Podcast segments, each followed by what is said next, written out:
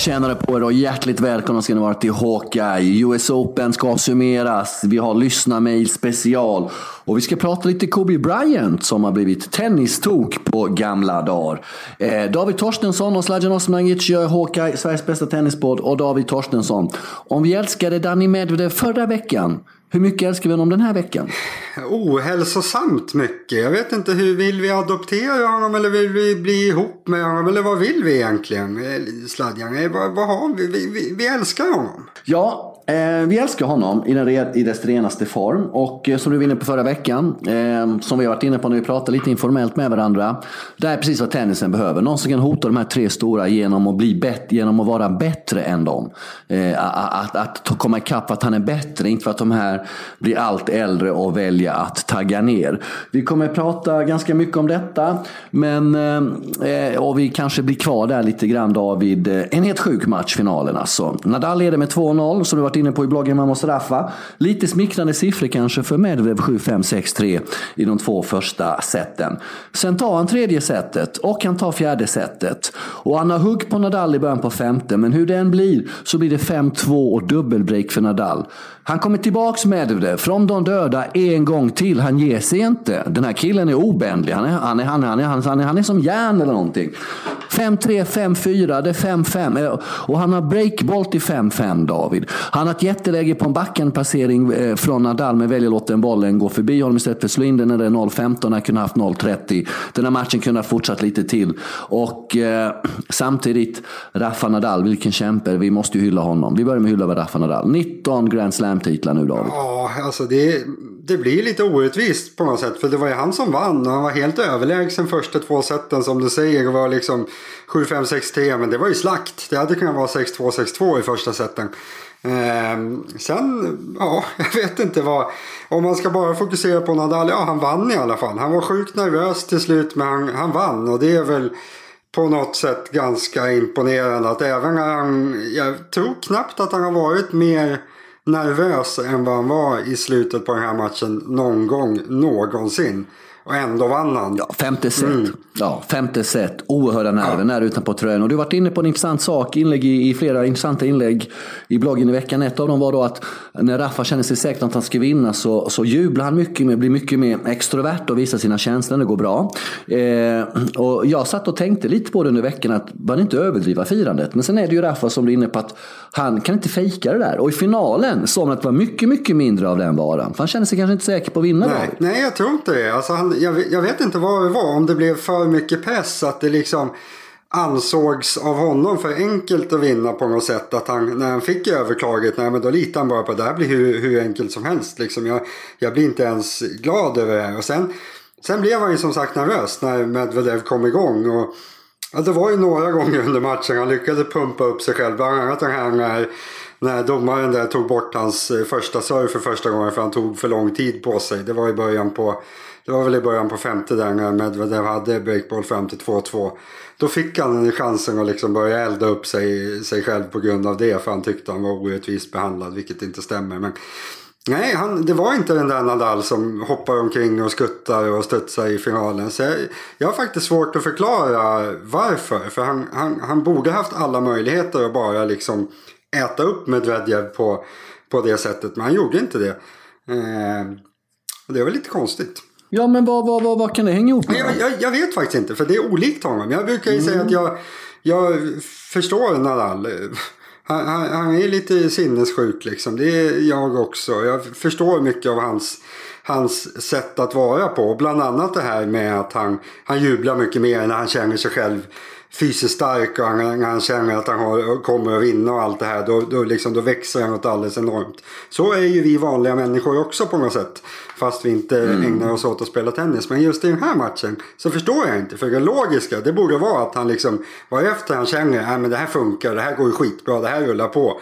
Då borde han ju börjat pumpa upp sig och hoppa och skutta och jubla liksom. Men det kom aldrig. Jag vet inte om han inte gjorde något tillräckligt bra bollar riktigt eller vad det var. Men, eller om det var någonting som oroade honom. Det, det känns som att det kanske var något han var kanske orolig för Medvedev. Att han han kanske såg det här komma tredje och fjärde set. Han kanske kände på sig att det här kommer inte gå enkelt. Och så var han lite orolig. Jag vet inte. Men han, han, han borde inte ha gjort det.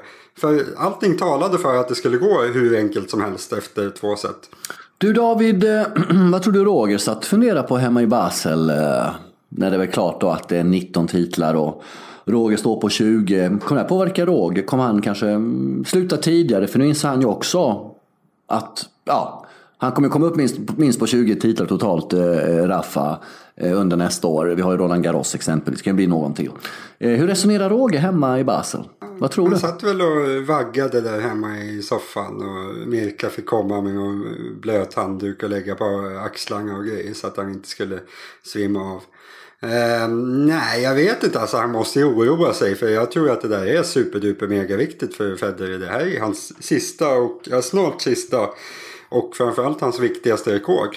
Eh, satt och skrev lite om det där nu på morgonen faktiskt. Att när man tittar på det här med, med liksom hans rekord och När han nu tappar förmodligen framåt sommaren så tappar han rekordet för antal veckor som världsetta. Och så tappar han nästa säsong eller säsongen efter mest troligt rekordet för antal Grand Slam-vinster vunna. Eh, och sen Masters-titlar har han inte vunnit flest. Han har, alltså det finns inga stora rekord han kommer att ha kvar. Jag vet inte, då, då, då förstörs ju hans arv lite grann. För det är svårt att säga någon, att någon har varit störst när man inte ens har varit störst under sin egen tid på något vis. Jag såg lite på kommentarer på din blogg om för att folk tycker man ska räkna in stjärnglans, hur man är som personlighet, vem som är den största någonsin. Och det är faktiskt tennis vi spelar, vi håller inte på med konståkning eller recenserar hur vi är med människor eller med andra människor, vi bemöter andra människor. Någon måtta får det ju vara. Det börjar bli lite desperat från vissa håll. Då är, då är Halmstrång och framförallt då ska väl Björn Borg ja. vara störst. För han är väl den som har störst stjärnglans och är coolast och allting. Så då är väl han störst i så fall. Ja. Eller gör man liksom någon, någon avvägning, stora titlar rankingveckor slash stjärnglans. Det kanske blir någon så här någon formel som gör att ja, man... Men det är väldigt subjektivt att bedöma stjärnglans. Nej, det håller inte. Alltså sådana där saker kan vi ju inte ha med nej, överhuvudtaget. Då, då. Du, rätt eller fel av domaren då? då utbjöd av US Open-publiken. Den, den har anger management issues, US Open-publiken emellanåt.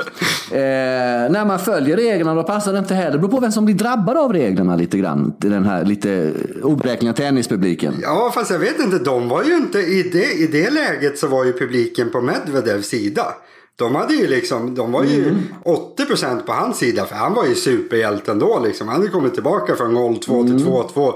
Underdog, de hade, alltså de började älska honom redan innan, under matchen. Sen efter matchen älskade de mm. honom givetvis ännu mer för det här talet. Men alltså, det var ju de, honom de hejade på. Och ändå så blev de arg på domaren för att han gjorde det här mot Nadal, tog bort första servern, vilket givetvis var var helt rätt. Liksom. Det, var, det var en av tillfällena, jag tror att det var den andra, där jag skulle säga att det var lite tveksamt. För domarna brukar det har ju redan blivit en norm att om det är publiken som stör då blir man inte av med första serven när tiden går ut. För då, får man liksom, då är det publikens fel att man inte kan serva tycker mm. domaren. Vilket är helt fel såklart för det går att serva fast publiken låter.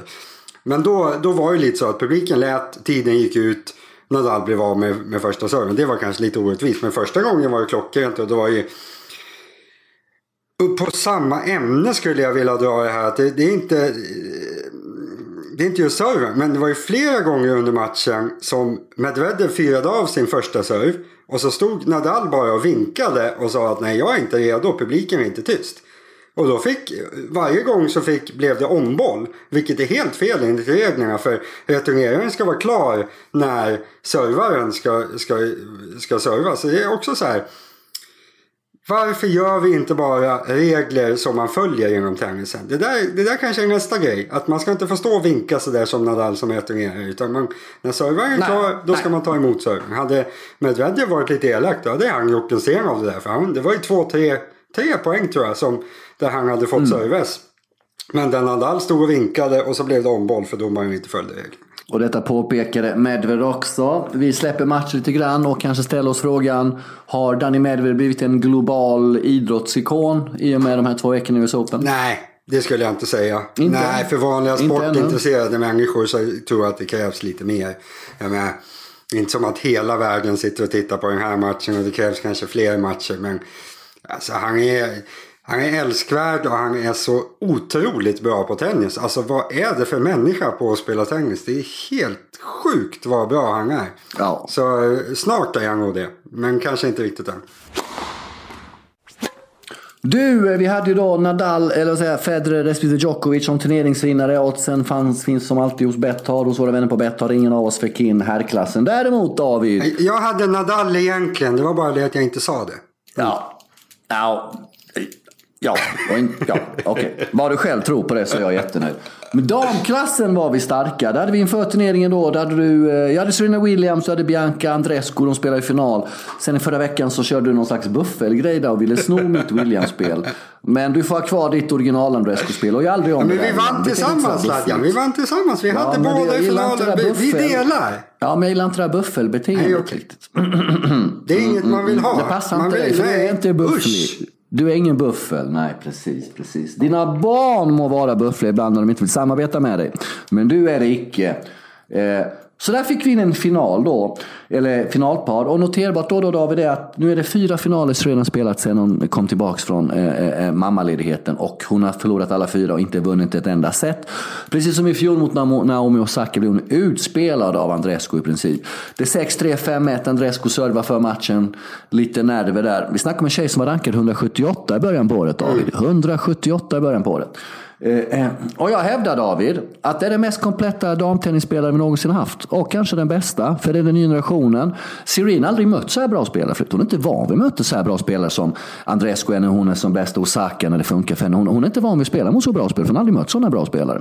Oavsett det, eh, Serena går upp till 5-5, det blir 7-50 i slut där och, och man måste imponeras av Andrescu. Som i ett skede, David, när publiken tjutar, sätter fingrarna i öronen för att bara stänga ute dem. Så långt har det gått. Och det har gått så långt att både Andrescu i år och Osaka förut ber om ursäkt till publiken för att de slår Serena. Är det sport vi håller på med? Eller är det vi sysslar med undrar man ibland? Att en vinnare ska be om ursäkt till en publik för att de har gjort en tycker utmärkt publiken prestation? sådär mycket om Serena? Eller bara liksom... Ja, det verkar ju fan vara, det verkar vara något maniskt. Titta på ansiktsuttrycken där när det är så fem, för när hon går från 1-5 till 5-5 om du inte har något bättre för dig. Helt otroligt alltså. De är ju besatta av henne. Men det räcker väl att bara titta på förra årets final och den här när man byter ut Andres och som sagt som inte gjort ett enda fel. De blir utbuade för att de slår Serena. Jag menar, vad mer behöver vi säga? Jättekul för damtennisen att Andrescu har kommit fram som fyller på med Osaka. Jag tror Andrescu har en helt, helt annan målmedvetenhet än vad Osaka har. En helt annan vilja. Hon rör sig så jäkla bra också så att det ska bli oerhört intressant att se och följa henne. Och Serinas kommentarer efteråt är också intressant att nu verkar inte det här Margaret Court-rekordet vara lika viktigt längre. Lite grann som Roger har sagt att det är viktigt att de var först i 20, inte att de behåller och så vidare. Född 2000 Andreescu. Damtennisen fick en 2000-vinnare innan herrtennisen fick en 1990 Fick en 90-tal. vinnare. Det är ju annorlunda får man säga. Yes, något annat du vill ta med dig från US Open innan vi går in på lyssna-mailen? För det är lyssna-mail special denna vecka i HK Sveriges bästa tennispodd. Det har vi sett fram emot länge. Vi har laddat upp med en massa här lyssna-mail. Något annat intryck du vill summera från US Open innan vi stänger den butiken Ja, Torstensson? men jag känner egentligen, alltså vi har ju inte pratat nog om Medvedev. Men vi kommer prata så fruktansvärt mycket om honom framöver Sladjan. Så det gör ju liksom ingenting. Vi borde haft ett avsnitt bara om Men vi, han, vi kommer alltid prata om honom, vi lovar. Ja, vi tar en Medvedev-runda. Vi ska nog prata lite om Rafa och Novak i slutet av avsnittet där. Vem blir världsetta vid årets slut? Danny har ju kvalat in då till ATP-slutspelet i London. Vi klämmer in Danny där lite grann då så att vi liksom... Ja, han är grym Danny Medvedev. Han är grym.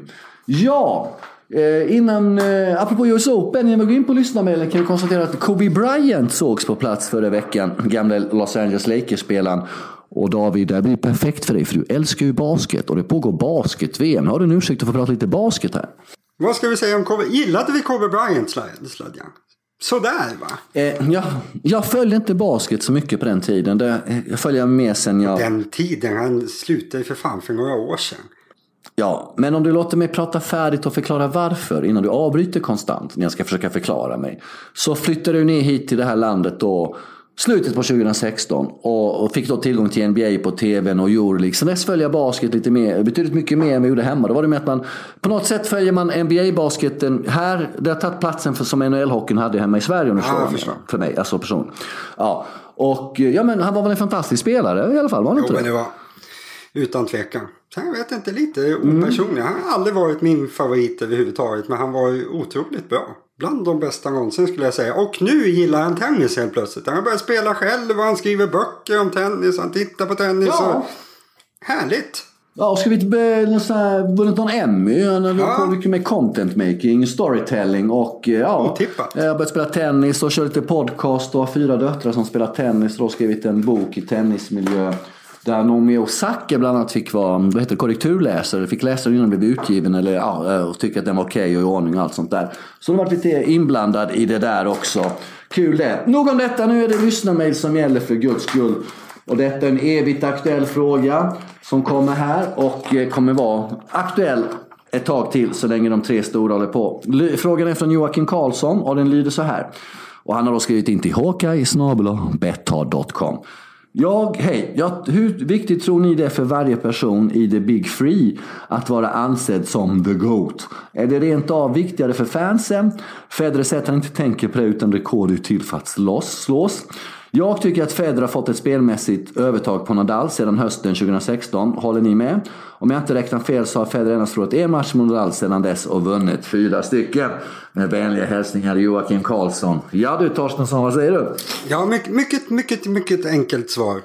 Eh, jag tror att det är väldigt viktigt för Federer, det här med rekorden. Jag tror att eh, Nadal drivs förhållandevis mycket av att eh, vinna mycket för sig själv. Sen om det är lika viktigt för honom att liksom köra förbi Federer och ta rekordet, det vet i fasiken. Men för Nadal handlar ju allt om att vinna. Djokovic, eh, han nöter nog mest på. Råkar eh, trilla in en massa vinster så är väl det trevligt. Men jag tror inte han bryr sig så mycket om det. Eh, andra frågan, ja visst har Federer haft eh, bra kontroll på Nadal på senare år. Absolut. Mm, mm. Ja, ibland får jag känslan att att Djokovic funderar på att bara ta rakt, eh, lämna racketen åt sidan och kliva av hela det här tåget alltså. Men jag vet inte. Eh, Det tror är en inte jag. diskussion. Så kan... Men vad tror du? Tror du, att, eh, tror du att det är lika viktigt för Djokovic som för Nadal och Federer? Hade du frågat mig för tre, fyra, fem år sedan sagt att det var absolut viktigast för Djokovic av de här tre. Absolut. Nu är jag nog mer lite på din linje. Jag tror inte han bryr sig om varken eller. Den här omprioriteringen i sitt liv då från att tennisen är allt till att familjen är minst lika viktig eller till och med viktigare att han time-manager med sin tid hit och dit. Tror jag eh, måste ju tyda på att det kanske inte är så jäkla viktigt längre, eller hur? Ja. Att gå igenom stålbad. Jag tror, jag tror att det var otroligt viktigt för Djokovic att bli bättre än Nadal och Federer. Att, att, I hans fall tror jag det var mer känslan att bli bäst. Att det räcker på något sätt för Okej. honom att bli bättre än de där. Sen om han vinner mest. Ja. Jag tror faktiskt inte att det är lika. Men det, du kan mycket väl ha rätt. Men jag tror drivkraften för Djokovic var nog mer att bli bättre än dem. Medan det för Nadal, och Federer mer är att liksom vinna mest och bli störst och vackrast och härligast någonsin. Liksom. Men det är bara gissning såklart. Men tror du en Federer i sin fysiska form och en Djokovic i sin fysiska form som de visade i US Open, de hade inte haft en chans mot Medvedev över fem set. Ja, nu nej, nej det tror jag inte. Men Nej. alltså, man ska inte lura sig. Det är klart att de, jag menar, de spelade den där Wimbledon-finalen för två månader sedan eller vad är det? Alltså, där hade ju inte Medvedev räckt till. Så. Man, man ska inte överskatta nivån på den här US Open-finalen. Det var sjukt, sjukt bra. Men man ska inte jämföra med matcher där Djokovic varit inblandad och varit i liksom bra skick. För så bra var det inte, men det var väldigt, väldigt bra. Men så jävla bra var ju inte Wimbledon-finalen heller spelmässigt. Den, alltså ja, den spelmässigt. var, Federer var fruktansvärt bra. Men ja, det kan diskuteras. All right, vi går vidare. Det lyssnar med special kom vi på här nu. Matte Lindgren har skrivit följande. Tjena boys. Tja. Det skulle vara kul att höra Hej! Det skulle vara kul att höra era tre bästa bragdmatcher prestation och prata lite om dem. Mina tre favoriter eh, utan inbördes ordning då för matte är Australian Open-semin 2009, Verdasco Nadal, en klassiker, en mallorcansk tennisklassiker och global. Eh, han var ihop med Anna Ivanovic på den tiden va? De är inte så goda vänner nu för tiden. Eh, French Open 2009. Hon har ju Bastian nu. Ja, ja. French Open 2009, Söderling Nadal. Det är lite kul när Serbien spelar EM-kval mot Portugal i helgen här. Eh, då hoppade Alexander Kataj in som avbytare. Han är alltså reserv i Chicago i MLS med Bastian och har en plats i landslaget. Det är rätt skumt alltså. Det är sådär. Han måste ha en agent med känningar på förbund. Och så har vi då Wimbledon 2001. Rafter Ivanisevic när Goran sopar hem hela skiten genom att serva sig igenom sju matcher på det här wildcardet. Eh, tack för en grym blogg och podcast, skriver Matte Lindgren. Tack så jättemycket Matte för att du lyssnar och läser och tycker så. Ja, David, ska du ta fram dina tre då? Vad var frågan? Vad är, vad är hjältematch? Vad, vad, hur, vad sa han Matte? Ja, så här sa vi, så här läste vi. Det skulle vara kul att höra era tre bästa bragdmatcher, prestationer och prata lite om dem. Och sen kommer hans tre favoriter här. Mm, ja, nej, det har vi. Höra våra tre favoriter. Ja.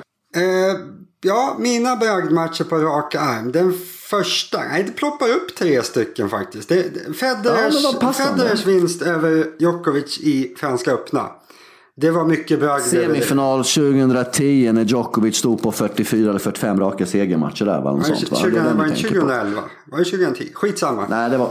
Ja, förlåt, 2011, 2011 det är sant, det är sant. När Roger inte blev direkt ledsen när han slog in för, för Det var just 2011 som var ett av de här två åren då Djokovic har varit som bäst. Ja, det var 2011, semin Roland Garros, absolut. Och då absolut. var det liksom... Det skulle vara omöjligt att slå Djokovic då, för då hade han blivit... Han torskade ju knappt match det året. Eh, Mm. Och Federer tog liksom chansen att slå honom. Och det var, nej, det var, det var mm. en superhjälte, superhjältematch. Eh, sen vill jag, det är alltid, man ska inte tro på folk som pratar för stort om saker som precis har hänt. Men ska man prata liksom bragd, att Medvedev kom tillbaka från 0-2 i, eh, i söndags. Ja, det, det är bland, det, gå in och läs mina texter om matchen på varmostraffar.se. Jag skulle ha skrivit samma sak som jag skrev på natten där. Alltså det är helt, det är helt sinnessjukt. Det var liksom verkligheten som var när det stod 2-0. Det var att det, han kunde inte komma tillbaka. Det var helt omöjligt. Han var chanslös. Och sen blev det helt plötsligt 2-2 och han hade breakboll till 2-0 i skilje och hade förmodligen vunnit om han hade vunnit den poängen. Eh, det, alltså det är en superhjältegrej. Det har inte hänt många gånger att någon har gjort en liksom större prestation. Ehm, sen som tredje vill jag plocka upp klumpbragdinsatser. Det är när allas vår superhjälte Pimpin Johansson kom tillbaka i Stockholm Open varje år. Och varje år var riktigt, riktigt bra. Eh, sen minns man ju också hans match när han slog Nadal såklart. Men då, då var han fortfarande en riktig spelare. Men jag tycker egentligen mer när han, när han kom tillbaka de där sista åren och gjorde sina comebacker. Och liksom egentligen inte ens spelade tennis. Men trots det så, så stod han ATP-spelare liksom flera år i rad fast han inte spelade. Det var, för mig var det lite superhjälteaktigt. Eh, det var coolt. Det är mina tre. Mm. Fyll på sladjan. Yes. 2010 eh, eh, eh, tar jag då US Open semifinalen mellan Federer och Djokovic när det är 2-0 i set till eh, Federer. Och han har matchboll i egen server också när Novak får här helt sjuka returen på linjen där. Om man hör Roger skrika 'lucky shot'. Eh, det var en jävla trevlig vändning måste jag säga. Sen var det 2015, finalen, US Open, mellan de här två också. Federer och Djokovic när det var one man against 24,000 som den här lite spekulativa journalisten Ben Rotherberg twittrade. För det var det ju verkligen, när han höll på med sina saber och Det var innan taket på på Louis Armstrong också på Flushing Meadow. Så att eh, det regnade den och så matchen började så 3-4 timmar senare. Än, eh, den började typ 7-8 lokaltid på kvällen istället för 16. Så att alkoholintagshalten om man ska kalla det hos den här anger management US Open-publiken var väl kanske Eh, större än vad den brukar vara. Så då kan man ju förstå hur det lät. Äh, det var faktiskt fruktansvärt att se hur den publiken betedde sig emellanåt. De jublade som det vore fotbollsmål när han missade, när han gjorde dubbelfel och sånt. Eh, det är nummer två. Nummer tre då, Stand the Man, när han slår Djokovic i finalen på Roland Garros. Eh, efter att ha torskat första set och alla tror att det öppen borde vara här för Novak och äntligen ta. Eh, det var året innan han vann då mot eh, Murray i finalen. De tre tar jag där, Wawrinka när han vinner finalen mot Djokovic på Roland Garros. Var det okej okay urval eller vad känner du? Det var tur att du tog Wawrinka där på slutet, att Djokovic kunde förlora också. Annars hade det ju blivit riktigt mm. blodigt i mailboxen. Så Men tre av, vår, tre av sex matcher vi har dragit fram gemensamt innehåller setupen Federer vs Djokovic. Det, alltså, det är ju som jag som jag alltid säger att jag, matcher som ska bli så stora som möjligt måste nästan innehålla Djokovic. Sen om man förlorar eller inte, alltså om man förlorar eller vinner. Eh, det kan vara åt båda hållen men det är de största matcherna som har spelat. Han är med i nästan alla av dem. Så det, det är klart det blir ju så. Det är de matcherna man minns mest. Yes, vi går vidare. Det här är ett brev från eh, Lisbeth Bengtsson. Tack för en bra podd pojkar. Tidsklockan som finns till första serven varför, inte, finns den, varför finns den inte till andra serven också? Finns det egentligen någon tidslimit för andra serven? Eh, Medvedev, hur kan man lida halsskada och ändå vinna mot Stan Wawrinka? Helt otroligt. Eh, ja, det kan vi ta någon annan gång. Vi fokuserar på det här med tidsklockan och surfklockan. Ja, det är ju så att eh, med andra serven så skapar man sig lite tid, eller hur? Ja, det är konstigt. Alltså det var ju som... Så Nadal har ju väldigt bra koll på den där klockan. Han missade ju några gånger i finalen här och gick över. Men ibland så är det som att han sista sekunden bara springer han fram och kastar iväg första serven. Så att han sen ska få stå och fixa håret inför andra serven. Liksom i 20 sekunder. Och varför ska det vara så? Det borde ju vara att när första serven är slagen, ja, men då har man 10 sekunder max på sig att få iväg andra servern. För mm. om, nu, om nu syftet är att spara tid, det rinner fan så mycket mer mellan första och andra servern än vad det gör om man står och studsar ett par extra sekunder innan första servern. Så väldigt vettig tanke skulle jag säga. Ja, men så är ju tennisen speciell. Där tennisen liksom eh, skapar sitt eget regelverk och hit och dit och blaha blaha. Och det här metoden är det perfekta kryphålet, perfekta kompromissen för de som sätter reglerna och för spelarna. För vet ju själva då, och som du har varit inne på tidigare, jag kanske inte är lika kritisk som dig då, men det är domaren som, som bestämmer när klockan sätter igång. Har det varit en duell då med 35-40 bollar emellan om det är exempelvis Nadal Djokovic, då får man känslan ibland att de bara slänger iväg den här första serven i sista sekunden för att kunna liksom få iväg en bättre andra serv och vara fräscha. Eh, på ett sätt är det de två då som har haft mest besvär och varit mest eh, vokala mot den här regeln. Det är de så två är som tar mest tid på sig också kan man ju säga. Ja, självklart. Men det här är något slags kryphål som, som, som passar ATP ganska bra. Och säger lite grann ATP är som organisation också utan att vara alltför kritisk. Men det finns ju, ja, den bygger ju inte på kryphål ja, ju, ATP i sig i sin så struktur. Skit Så att, eh, ja. Nog kan man tycka det att det är jättekonstigt eh, att det skulle vara logiskt att begränsa till andra servern också. Men så är det inte i dagsläget. Du får vara glada för de små grejerna att det kommer begränsning till första servern till slut. För det var ganska, kunde vara ganska jobbigt stundtals. Särskilt vid viktiga poäng. kan man Lisbeth har en poäng. Och Sladjan, vet du vad? Ja. Den nya boken om Lisbeth Salander var skitdålig. Han borde inte skriva fler sådana där. Han den här hittepå-författaren. Eh, det är den här gamla Stig Larsson-serien du vet. Som alla i Sverige ja, läser. Är det han Lagercrantz fortfarande som Katastrof. skrev? Katastrof. Är det, är det, så det var så dåligt. Det var så, så, så, så, så dåligt. Ja, okej. Okay. Välkomna till litteraturhörnan. Nu ska vi prata om Kafka, Kaf, vad heter det, Kafka-serie. Jag kan inte ens... Dostojevskij. Så, så, så gick det för mig. Och, så gick det för mig att vara lite halvdjupt, gick inget vidare alls. Nästa fråga David, från Johan Karlsson. Hej, man blir glad av att lyssna på er ungefär som Filip och Fredrik. Ja, nu håller de på, nu håller de på att bli såra och håna oss här också. Jag skojar Nej, vi har överseende. Jag skojar det är med okay. dig Johan. Vi har överseende med det. De var bra en gång i tiden de där två. En gång i tiden var de riktigt, riktigt bra. Eh, ja, att snacka är ett stort, att snacka fritt är större, skriver han här med en smiley. Ta upp detta vet jag. här ska vi se här då. Eh, Jävlar vad folk använder små typsnitt då. Alltså. US Open, det är den turneringen med mest skiftande väder och klimat som tycks påverka spelarna? Frågetecken.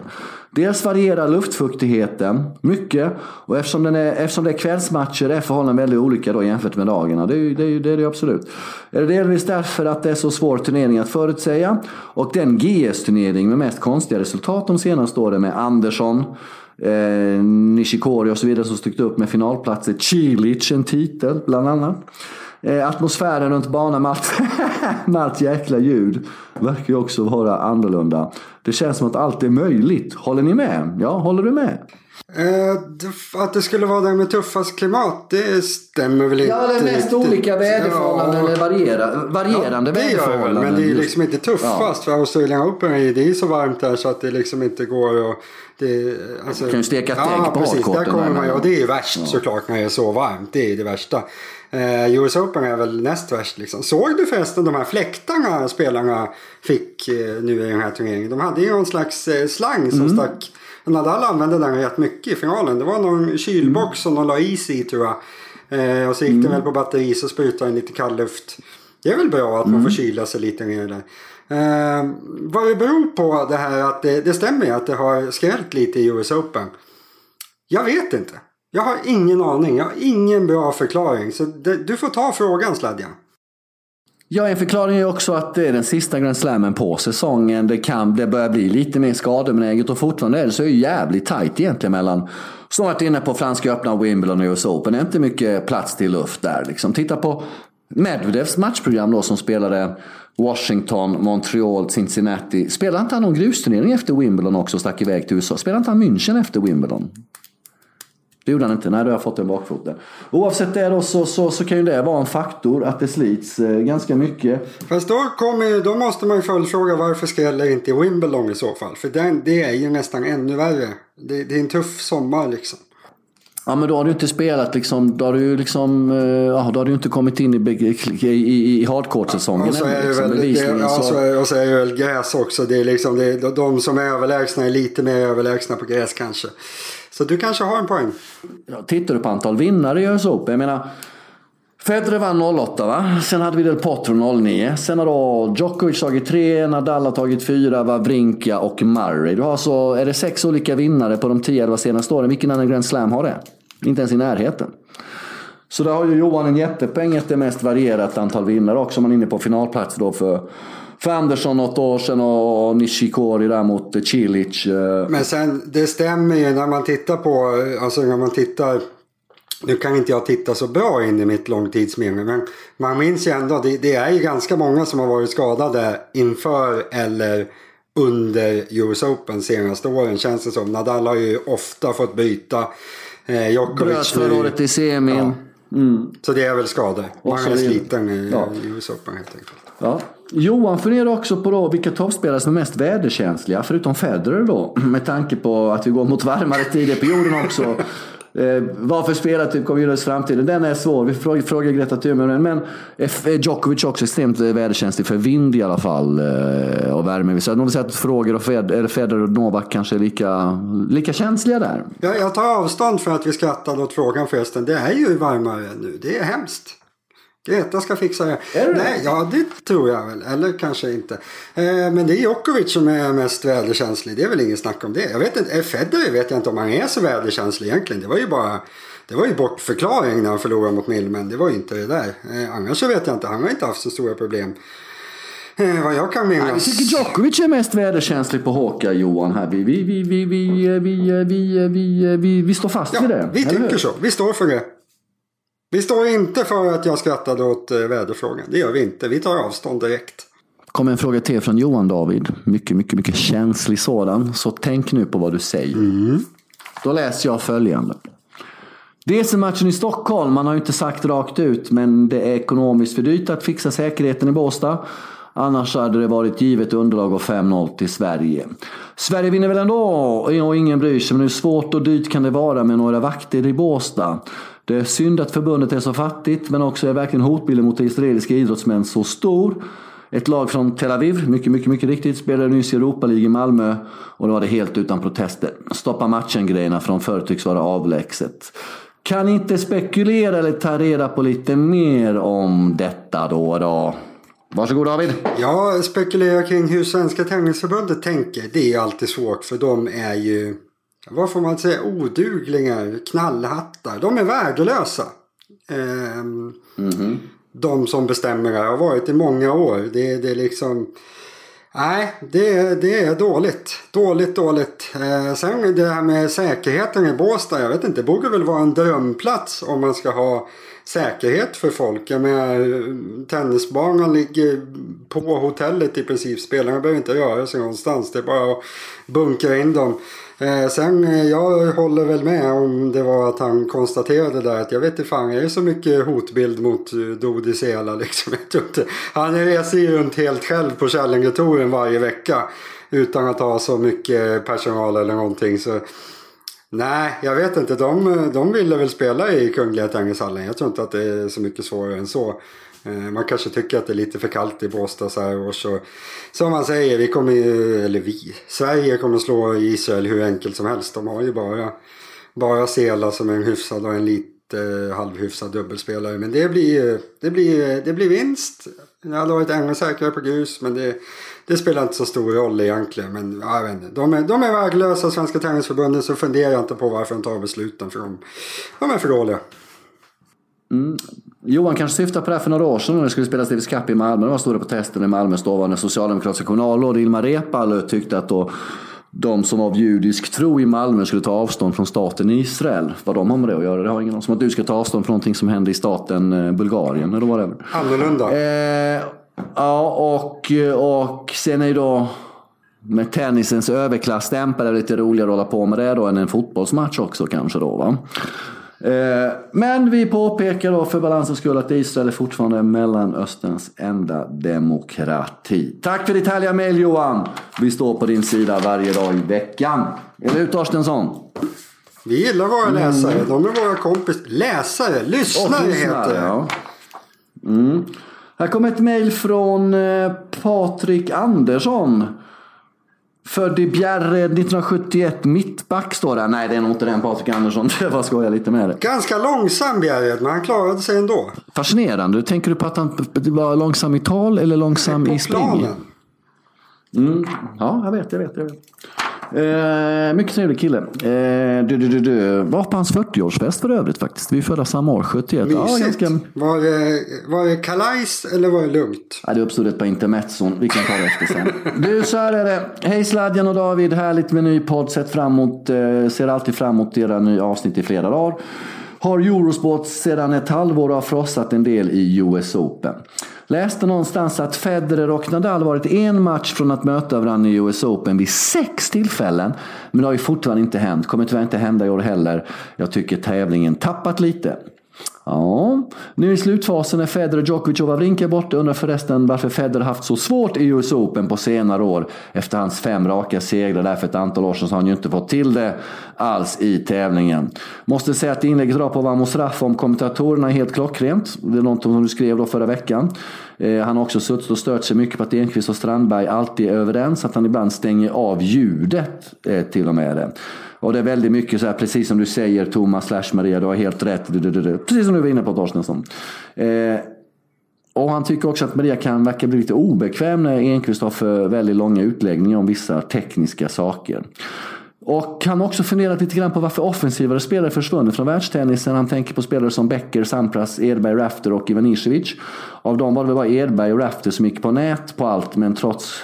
Ja, Eh, vad hänger allt det här ihop med helt enkelt? Liksom? Eh, av dagens spelare tycker jag ändå Lopez och Raonic är ganska trevliga att titta på lite mer, gå på nätspelare och sådär. Det är nog det är Enqvist och Strandlunds fel att folk har slutat gå på nät tror jag. Eh, nej. Det är din teori, ja det är så du drar ihop det. Becker gick väl en del på nät kan man säga. Så, han ja absolut, absolut, absolut. Alltså det här med nätspel det är ju, alltså det folk blev för bra. Spelare blev för bra för att det skulle vara möjligt att spela som de gjorde på 80 och 90-talet. Att liksom, folk blev så fruktansvärt bra på att returnera att det helt enkelt inte blev så effektivt längre.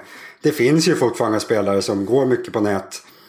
Eh, inte så framgångsrika. Eh, Zverev storebror går ju på nät hela tiden efter sin första serve. Han, han följer ju från i år här med rankar typ 300 i världen. Det är ingen vidare effektiv spelstil att gå på nät hela tiden som man gjorde förr i tiden. Eh, så det, det är väl förklaringen. Spelarna har blivit bättre och då funkar det inte så jättebra att gå på nät. Eh, gällande kommentatorerna så jag vet inte, jag behöver, känns inte som jag behöver böja på nej, en... Vi tog det förra veckan lite grann och sådär. Nej, nej.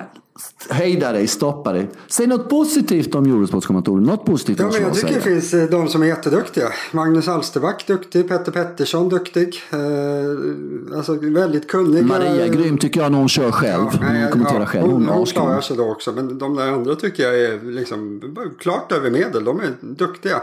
Eh, så det hade varit jäkla bra att låta dem eh, kommentera istället. Du, ja det här med Federer och US Open har vi berört lite grann. En konkret fråga här då från, från Patrik. Han har ju inte vunnit sedan 2008.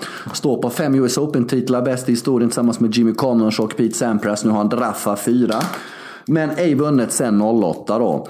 Eh, sen dess har då Rafa tagit den fyra gånger, Djokovic tre gånger som vi sa i tidigare programmet, Wawrinka, Cilic, Del Potro. Glömde jag någon?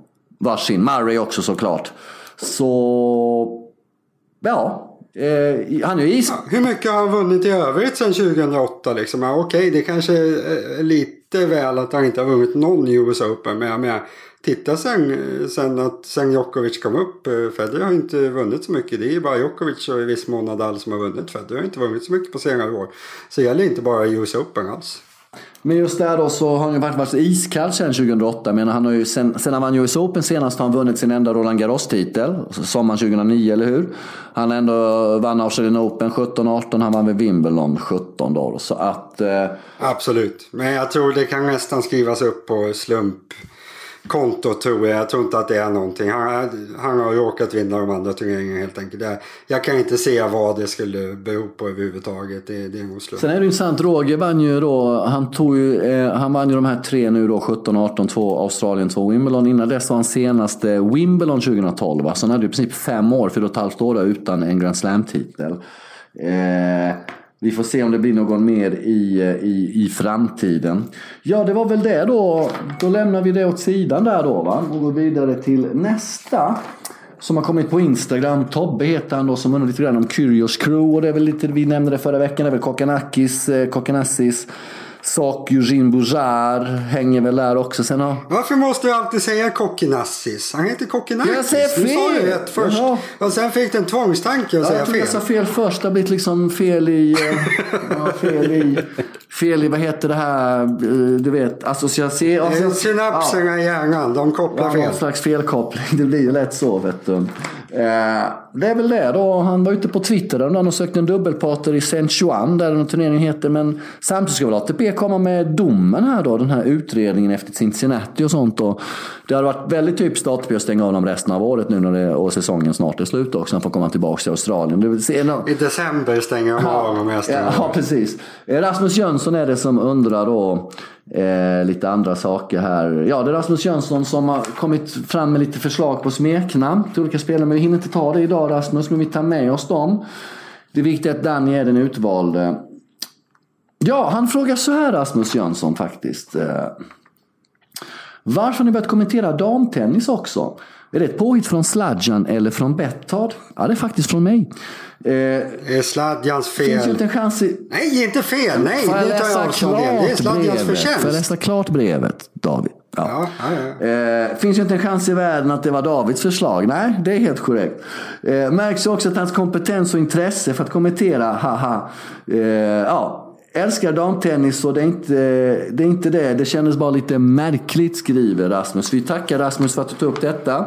Jag gillar damtennis väldigt mycket. Känns det lite krystat ibland? Jag vet inte. Jag, Nej, jag tycker inte det. För jag gillar ju att prata det om det. Jag tvingar in dig i lite Ja. ny värld. Och du, eh, om jag säger att Ja, Jag har faktiskt lärt mig ganska mycket sen vi började. Ja, för du, om jag säger titta på henne och hon dör, så tittar du på henne och kommer med en bedömning. Där. Så Ja, jag tycker att du är väldigt precis, öppen i ditt förhållningssätt till det hela. Eh, vill jag säga till Rasmus Eh, lite grann. Och eh, det blir spännande här eh, framöver. Det är lite ny generation på gång med Osaka, Andrescu. De kommer ju lyfta damtennisen till nästa nivå. Sen får vi se hur det blir med Kokogao framöver här. Det är ju lite knepig tid för henne. Hon får inte gå in i varenda turnering och spela och få matchas fram försiktigt. Och kan det vara svårt Jag tror Serena kommer börja vinna igen. Jag tror Serena är bäst egentligen fortfarande. Nej, tror jag är tveksam för att hon, återigen som vi var inne på i början på programmet, hon har inte spelat mot så bra tennisspelare som Osaka Andrescu. Hon har inte mött så bra. Fast hon gick... Ja. Hon, hon är inte van vid att möta den nivån. Det är en ny generation David. Det, det, det förnyar sig. Det mod- alltså, så bra som Andrescu rör sig, så hårt som hon slår, både backhand och forehand. Så jävla smart hon är i huvudet. Liksom, hon kan stänga ute allt. Det är, hon som, det är hon som skickar Serena från sida till sida, inte tvärtom. Precis som Osaka gjorde förra året. Det säger någonting. Sen måste Serena lära sig då av Roger Rafa Novak. Som utvecklat sitt spel konstant, konstant, konstant, konstant. För att kunna hålla sig på toppen, för att kunna vinna titlar. Det måste Serena också göra. Hon och Muratoglu måste hitta en väg. För att jag menar, liksom, nu börjar det bli en vana då, vi tänkte på när man såg henne efter prisutdelningen lördagskväll, finalen, eh, eh, vår tid här då, då. Att hon börjar passa in som något slags inslag i att liksom hålla ett tal till vinnaren av turneringen. Då, liksom att det inte är hon som håller det här talet, utan hon har den här lilla tallriken istället för själva pokalen. Så hon måste lära sig ta en sida ur Rogers, Novaks, Raffas bok. För så här tror jag inte hon kommer vinna så länge Adrescu är etablerad och bara jagar framåt. Osaka kommer hitta sig själv igen, gå framåt. Du har massa eh, tjejer som bubblar under där. Det är inte lika, för jag menar under, under en tid så var det bara för henne att promenera hem de här Grand Slam-titlarna om vi ska vara ärliga. Och det är det inte idag. Det är pretty fucking far from.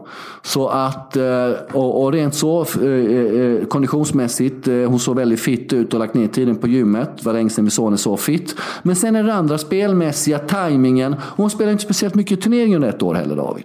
Det är lite Federer Djokovic att hon kommer spela någon turnering inom Grand Slam. Nu blev det hipp som happ i Montreal, sen spelar hon till Cincinnati, en och tar sig till final. Men det är också det, hon viker ju ner sig lite grann. Det är no, händer någonting i huvudet på henne. Hon har ändå förlorat de fyra senaste Grand Slam-finalerna sen hon blev mamma. och Inte vunnit ett enda set. Så någonting händer ju på finaldagen med henne. Så de har mycket jobb att göra där. Och jag är inte säker på att hon kommer dominera nästa år. Nästa år så, så får vi nog se om Andres håller sig skadefri, vinna två slams kanske. Osaka vill nog komma tillbaka och visa någonting. Hon kan ju ta det vara Australien och, och eh, US Open. Så det är en intressant tid faktiskt. Eh, Elina Svitolina, också mycket, mycket intressant. Har inte lika mycket vapen som, som, som Andrescu och som, eh, eh, som Osaka men väldigt, väldigt stabil och bra. Så det ska bli intressant att följa. Så damtennis kommer det bli mer av i Håka. Det kommer vi fortsätta att prata med. Tack för ditt mail Rasmus Jönsson. Ja du David, det har kommit ett mail som handlar mest om dig faktiskt. Hur många mejl kan det finnas egentligen? Ja, vi börjar närma oss slutet här nu. Eh, vi närmar oss absolut slutet här nu. Det här är näst sista kan man säga. Okej? Okay? Och det handlar om dig faktiskt. Oj, ja, Två frågor. vi börjar. Ja. Hur försörjer sig Torstensson? Frågetecken. Tjänar han sina pengar om själva bettingen? Frågetecken. Eller tjänar han pengarna via bloggarna på Betthard eller betting.se? Väldigt mycket personliga frågor. Jag känner nästan att vi kanske ska stryka det här, eller? Nej, det får man väl fråga. Eller? Det, man får väl fråga vad folk jobbar med, eller? Ja, ja. Eh, tycker du det är okej att fråga vad folk har i lön till exempel? Ja, man får väl fråga men det behöver man nej, inte svara Nej, jag tycker, det, jag alltså, tycker det, är, är Jag förstår fråga. faktiskt att det... Jag tycker... Nej, men jag har full förståelse för, för att man undrar. För det är för, alltså... Eh, ja. Men svara då vet jag. Det är svårt att förstå ja. vad jag gör. Men det, han, han har ju svaret själv på frågorna. Mm. Jag, jag jobbar för Betthard och så jobbar jag för företaget som äger betting.se. Mm. Och så får jag pengar för det. Ja. Och så kan jag köpa mat och dryck. Ja, och gräsklippare när det behövs. Ja. ja. eller så ringer du upp mig för jag tar en nagelsax och klipper din gräsmatta på, ja. på 1700 kvadratmeter.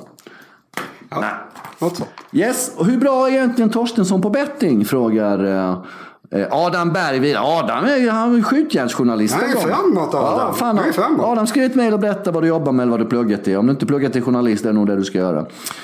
Hur bra är egentligen Torstensson på betting? Frågetecken. Hur ser hans historik ut om man går tillbaka två år? Mycket skarpa frågor här. Ligger han på plus och i så fall hur mycket? Herregud Adam, han, han, han, inga fingrar emellan här inte. Jag, jag gillar Adam, han, han tar för sig. Det är Danny och Adam, det är veckans hjältar.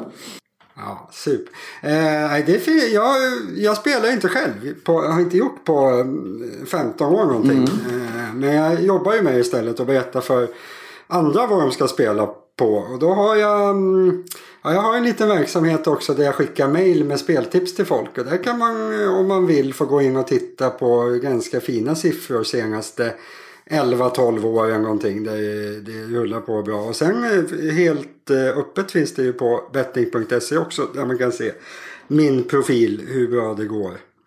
Ehm, 107 procent tror jag i ROI. Så där tjänar man pengar om man spelar på det jag tycker man ska spela på. Så jag är bra. Jag är kanske bäst. Okej. Okay. Eh, det var det svaret till Adam. Nu då sista lyssnarfrågan för den här gången. Tack för alla mejl. Och det är ju då om en kille på Challenger-touren då. Du lister, fick ju förtroendet att lista de tre hetaste talangerna, talangerna på Challenger-touren förra veckan då, eller om det var veckan innan. Och det har väckt lite reaktioner och uppståndelse i vår mejlkorg. Håkajsnabla.betta.com. Det är fler, tre stycken olika individer som tycker att du sonika glömde en spelare. Eller om du missade honom. Eller vad som har hänt här. De är helt förvirrade. över att du inte hade med spelaren Rus, Russuvori på din, på din lista. Ha, är det finnar som har... Har vi finska lyssnare nu Jonas Smedberg kan vara finlandssvensk eller svensk. Typisk finne. Ja. Säkert Åbo. Eller då Marcus Koskinen. Ja, du hör ju! ja. ja, men svara. Varför har du inte med det här? Eh, jävla knepigt efternamn Emil. alltså. E- Emil eh, Ruusuvuori. ja, vem är det? Berätta, jag har ingen aning. Svårt med finska namn när man inte kan säga R riktigt. Ja. Problematiskt. Vem fan är det? Eh, Nej, han, var ju faktiskt eh, han är född 99. Eh, och precis senaste veckorna har han börjat vinna. Han vann väl någon turnering i, tidigt i somras på, på Kärlingetouren. Eh, och så har han vunnit lite under de senaste veckorna. Men jag vet inte. I, de turneringar han har vunnit tidigare år. Det var ju sådana här jättesmå Kärlingers med usla startfält. Eh, och jag har inte blivit så här superimponerad av eh, av hans spel egentligen. Men det, det har mer känts som att han har snubblat med sig lite, lite bra vinster förut utan att det har riktigt varit eh, välförtjänt. Men nu, nu vann han var i, på Mallorca vann han väl här en veckan. Eh, slog några bra spelare men det var också lite sådär. Han slog liksom inte någon av de bästa. Men han är snart topp 50 i världen. Han kanske borde varit med. Han ligger väldigt bra till. Men eh, jag skulle nog säga när det gäller honom, ta det lite lugnt. För jag tror inte han är riktigt så bra som han har gjort resultat på. eh, Vad är det för typ av spelstil på pojken? Berätta. För oss som inte har sett honom. Det är inte alla som sitter hemma och kollar på. Challenger-touren på nätterna på någon jävla obskyr tävling någonstans. Helt vanlig tråkig tennisspelare som står och bollar. Servar okej och sen står han och bollar. Inga konstigheter alls. Kommer inte bli topp 10 i världen eller förmodligen ens... Eh, ja, han kan bli topp 50. Men mer än så. Om jag säger så här, hade han Emil varit svensk och spelat för Sverige och hur mycket hade vi kunnat läsa om honom i våra kvällstidningar som världens största supermegatennistalang? Ja, men ganska mycket. Mm. Han, han hade väl ansetts vara en eh, större talang än eh, vår Ymeranga just nu skulle jag säga. Men han är, han är ett år yngre än Mikael Ymer och har eh, ja, väldigt mycket på väg uppåt på slutet. Men han, han är väl i nivå med Mikael Ymer ungefär, så kan man väl säga. Eh, kommer bli ATP-spelare, chans på topp 50, eh, inte så mycket mer. Du, eh, vi har kört på rätt länge. Vi skulle egentligen prata om vem som blir världsetta vid årets slut, men det tar vi nästa vecka så vi inte blir för långa. Tack till alla som har skrivit till oss. Tack för alla lyssnarmail. Det gör livet värt att leva för både David och för mig. David, vad hände i helgen?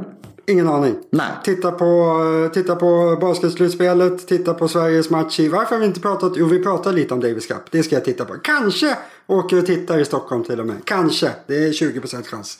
Eh, annars händer det väldigt lite. För då? Ska Bosnien, Slovenien? Nej, jag skulle väl mest eh, förvarna de som jobbar med säkerheten på Kungliga Tennishallen i helgen. Att de ska se upp en viss individ som heter David Torstensson. Det är väl det viktigaste jag ska göra. Så att den där matchen slutförs. Nej, det blir ganska lugnt sa du David. Eh, morsan åker hem på torsdag då. då. Eh, det är tisdag då. Jaha. Så att hon har varit här i två veckor. Ju varit runt lite sådär. Så att, eh, det blir ganska lugnt. Sen är det ju LA 25 september. Vi ska jobba lite för Betthard där.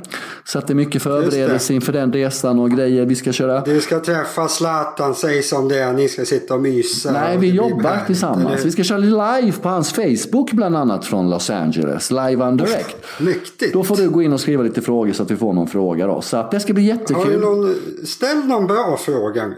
Fråga om är någonting att de som eh, följer honom ska ställa frågor, inte jag. Jag ska liksom bara vara fungerande. Jag, jag är stinsen som Peter Jihde säger, bara den som drar igång tåget. Och med dessa visdomsord om att dra igång tåget lämnar vi för den här veckan. Vi hörs nästa vecka. Håkan heter vi. Vi finns på Twitter, vi finns på Insta, vi finns överallt. Och oddsen hittar ni som alltid hos Betthard. Tack David, tack till alla som har lyssnat. Hej hej! Hej!